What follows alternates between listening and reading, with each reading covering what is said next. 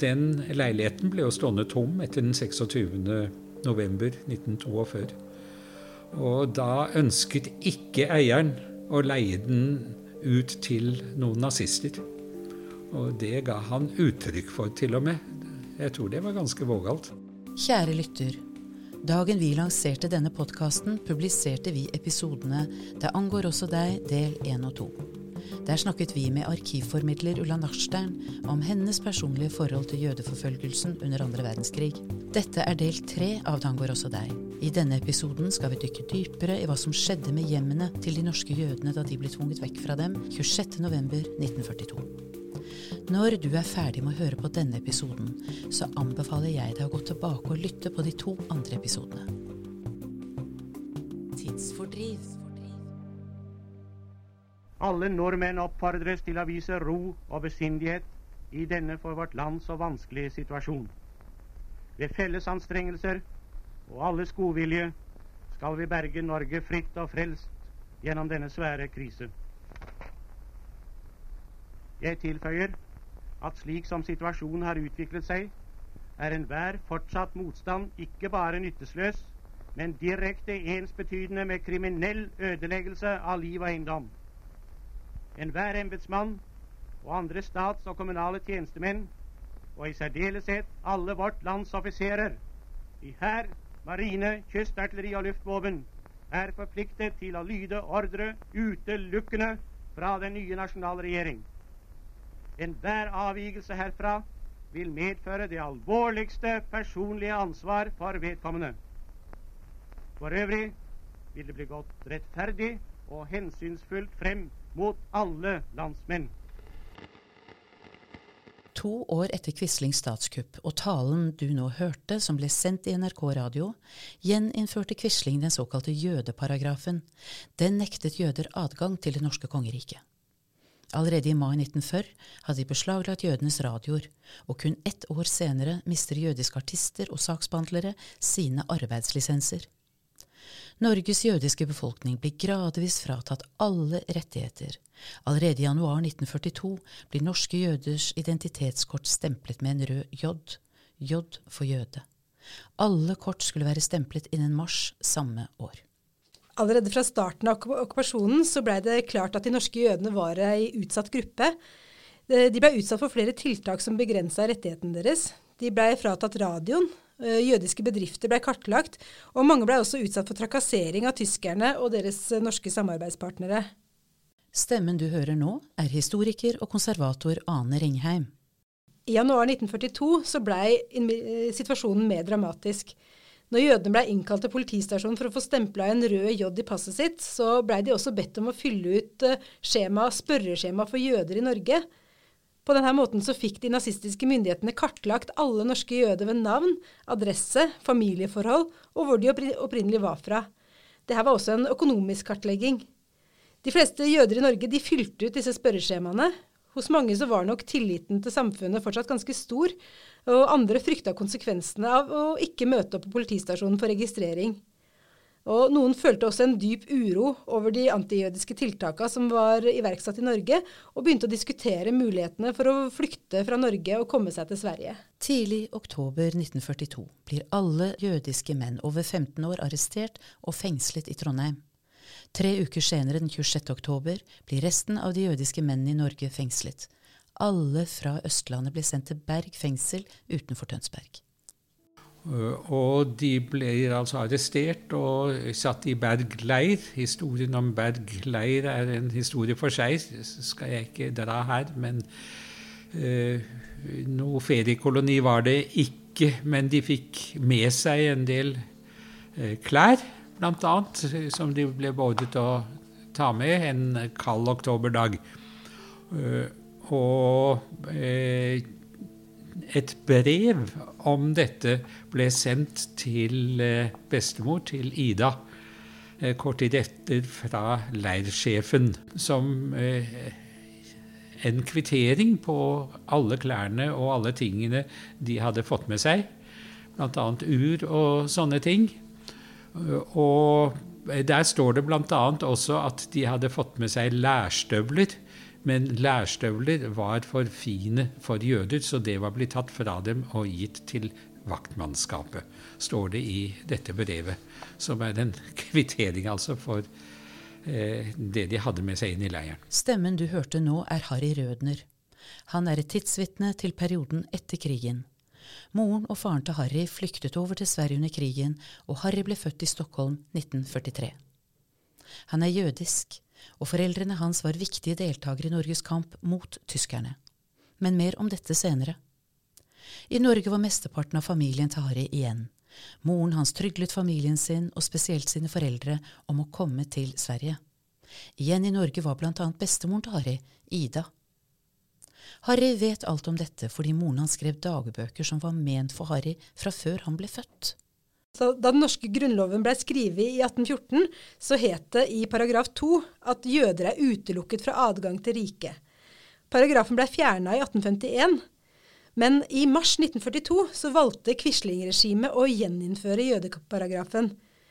Den fikk liten praktisk betydning, men hadde stor effekt som et ledd i Nasjonal Samlings antijødiske propaganda. Gjeninnføringa ble framstilt som et ønske om å gjenopplive en norsk eh, rasebevissthet og vise en klar antijødisk holdning fra NS sin side. Og Det passa den tyske okkupasjonsmakta veldig godt, at eh, for de så ble gjeninnføringa av jødeparagrafen forstått som at de nå hadde nasjonens historie på sin side i det antisemittiske arbeidet. Og, men sånn praktisk sett så hadde den liten betydning, fordi grensa til Norge hadde uansett vært stengt for jøder siden 9.4.1940. Men registreringen av jødene og gjeninnføringen av jødeparagrafen det var illevarslende for de norske jødene. Og høsten 1942 så blei situasjonen dramatisk forverra. Harry var ikke der selv denne dagen, men gjennom oppveksten har han fått det fortalt så mange ganger om hva som skjedde med familien hans. Det var ikke bare mennene som mistet sin frihet denne oktoberdagen. I ordren som ble sendt ut fra statspolitisjef Carla Martinsen den 25. oktober til alle landets politikamre, så sto det at alle menn over 15 år skulle arresteres. Men det var også klare instrukser for hvordan de jødiske kvinnene skulle forholde seg. I ordren så het det, heter det at alle voksne jødinner pålegges daglig meldeplikt ved ordenspolitiets kriminalavdeling. Kvinnene får streng beskjed om daglig å melde seg eh, hos politiet, kriminalpolitiet. Det var en kriminell, kriminell, handling å være jøde i Norge etter at man hadde gjeninnført jødepassusen i paragraf 2. Eh, og, og, det gjorde de eh, av frykt for represalier eh, og trussel om at mennene skulle drepes hvis dette ikke skjedde, og arrestasjon av resten av familien. Så daglig gikk de til til politikammeret og meldte seg. På spørsmål om hvorfor ingen grep inn, og om naboene bare sto og så på dette her, så svarer Harry. Eh, ikke som jeg har hørt om, var det noen som grep inn. Og jeg vet ikke hvordan de skulle ha grepet inn heller. Eh, mennene var tatt, satt i leir.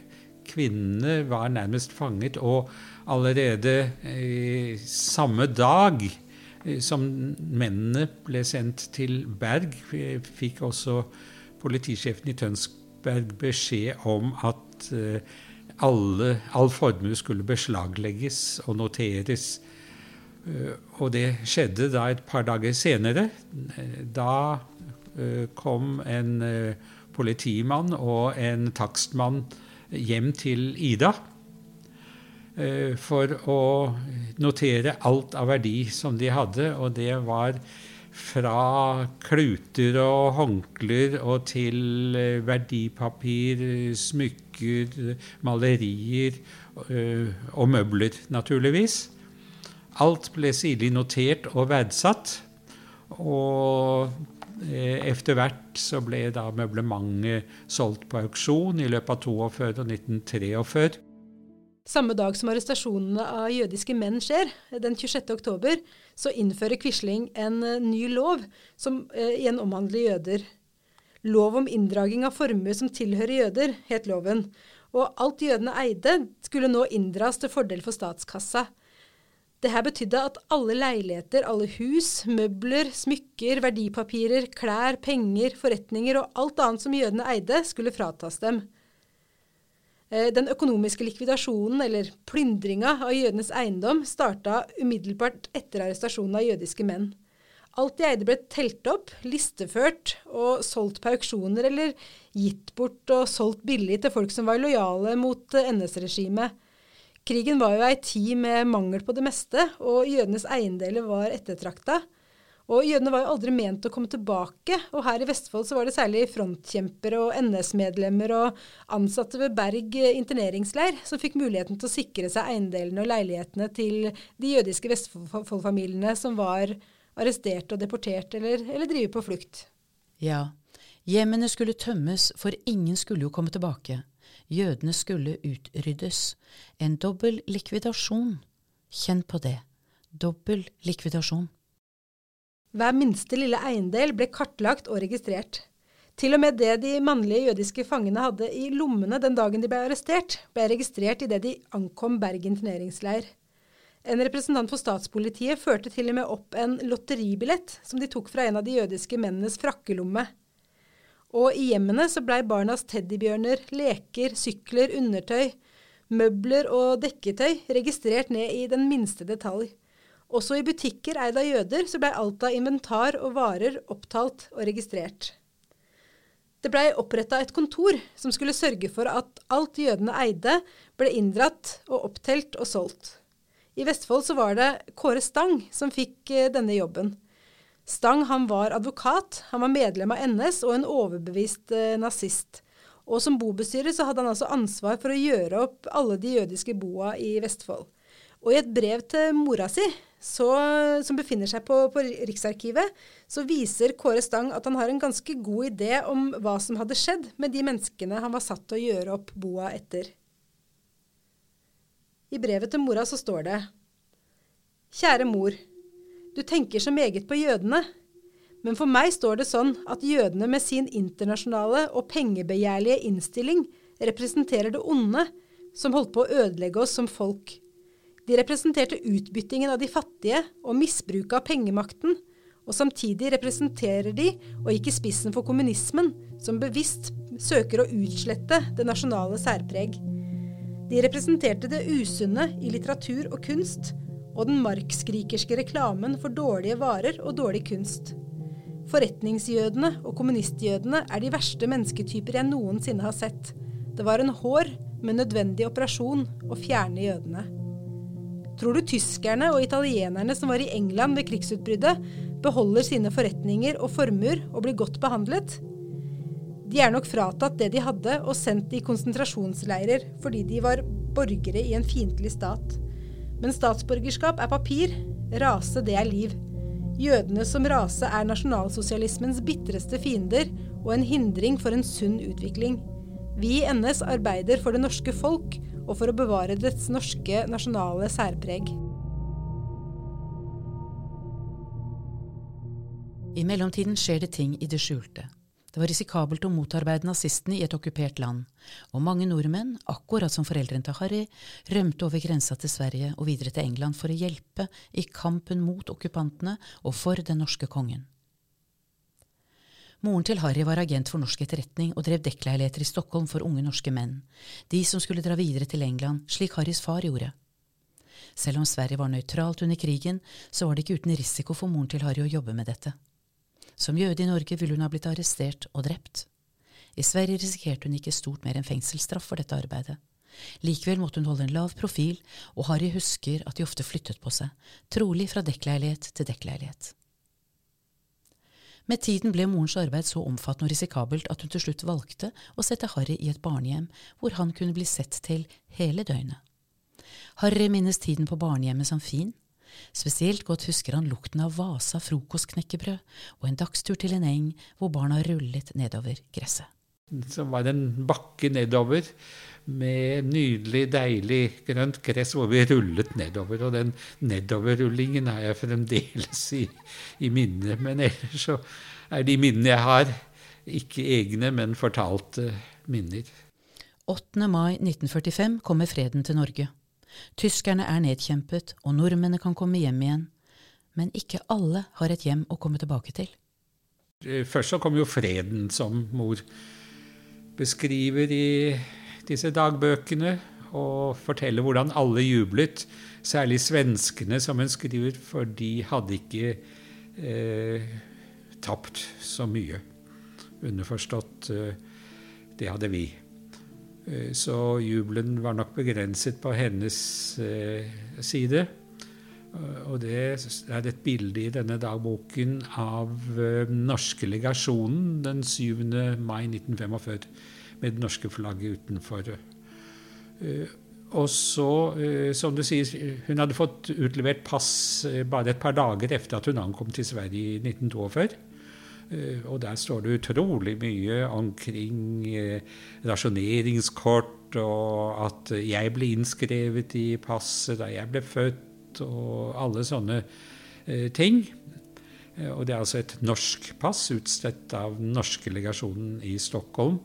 Så det er ikke et nødpass? Nei, dette er et ekte norsk pass for norske nordmenn i Sverige. Og Eh, og så eh, vil hun gjerne tilbake til Norge så snart som mulig etter 8. mai. Og hun drar ikke akkurat sammen, men omtrent samtidig som sin bror Charles. Charles et par dager før. Han kommer tidsnok til å se kongen gå i land den 7. juni eh, på Honnørbrygga i Oslo.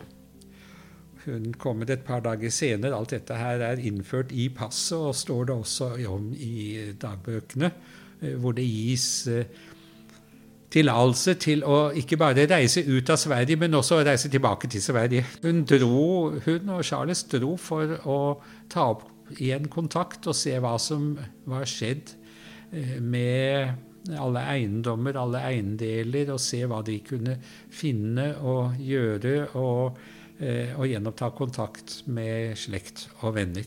Det var ikke enkelt for jødene å komme tilbake til Norge. Eh, de som overlevde, kom ofte i en veldig vanskelig situasjon.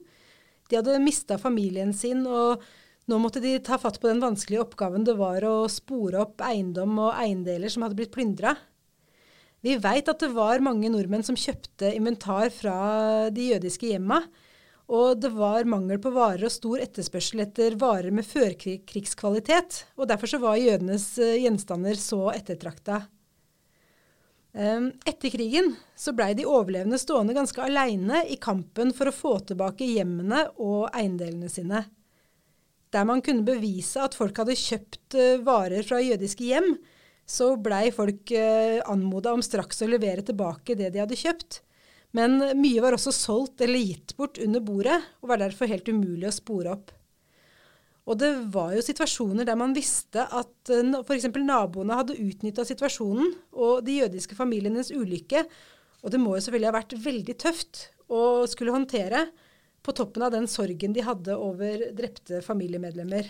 Tenk deg å komme tilbake etter år i dekning, fangenskap eller kamp, og så finner du at naboen din har kjøpt tingene dine uten at du har fått én krone for det.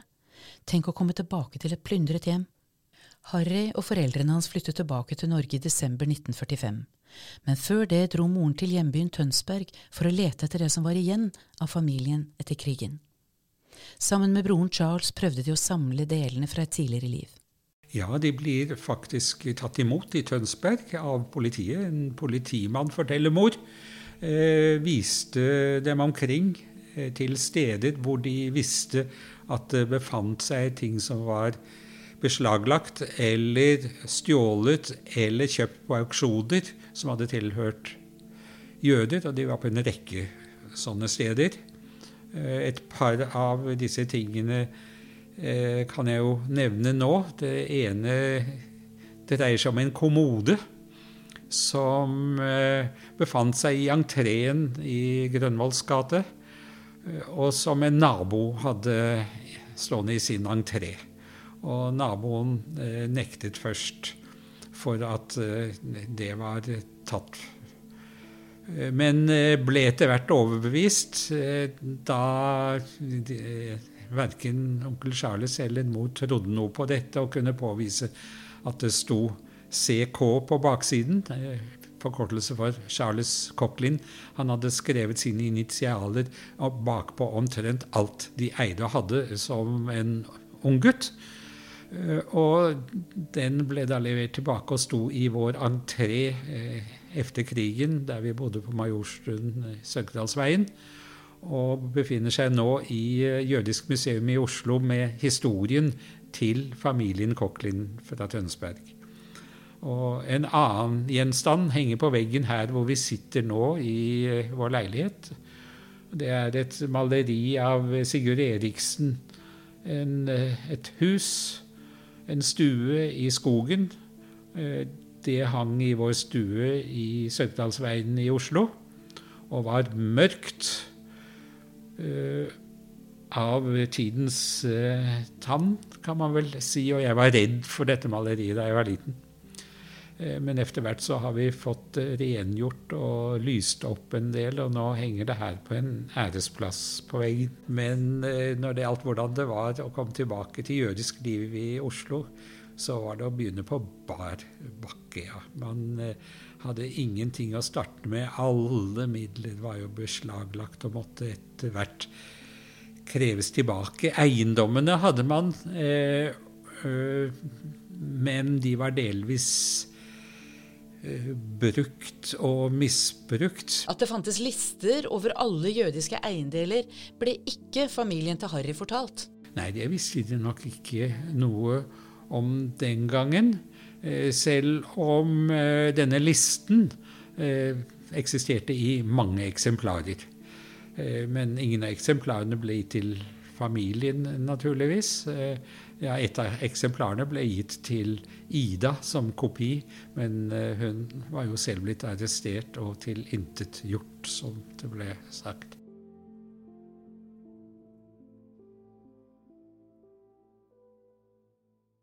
Denne episoden er laget for å markere 26.11.1942.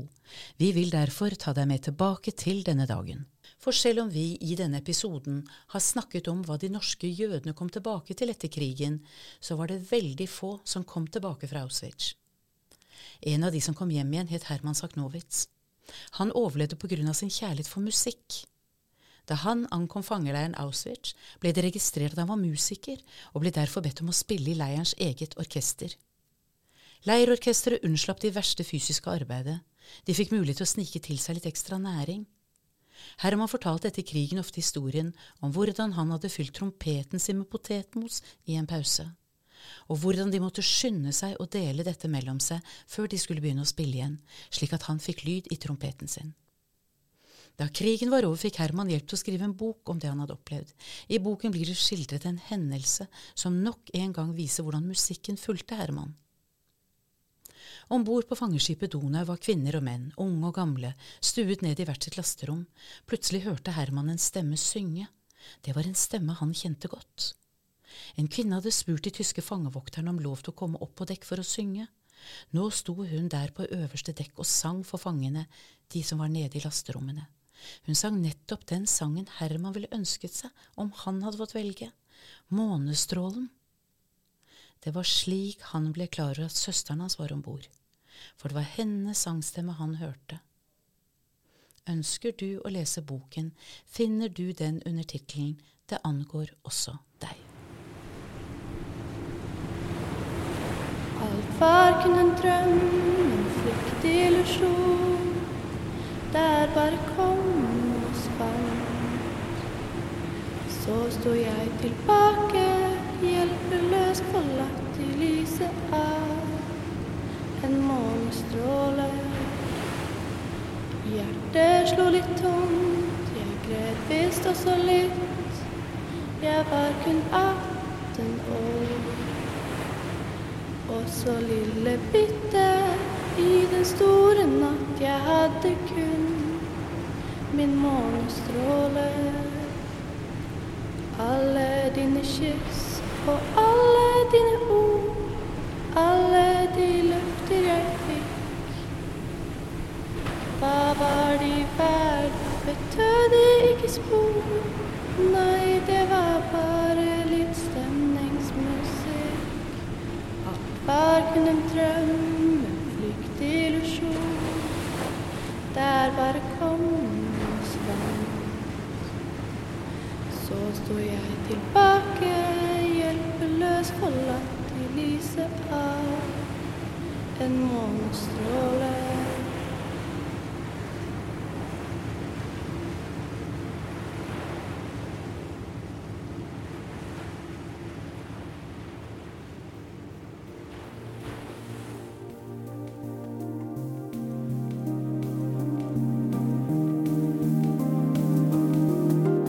Tidsfordriv er en podkast fra Vestfoldmuseene og er laget av produsent Susann Melleby, lydtekniker Jon Anders Øyrud Bjerva og meg, Ellen Asplin.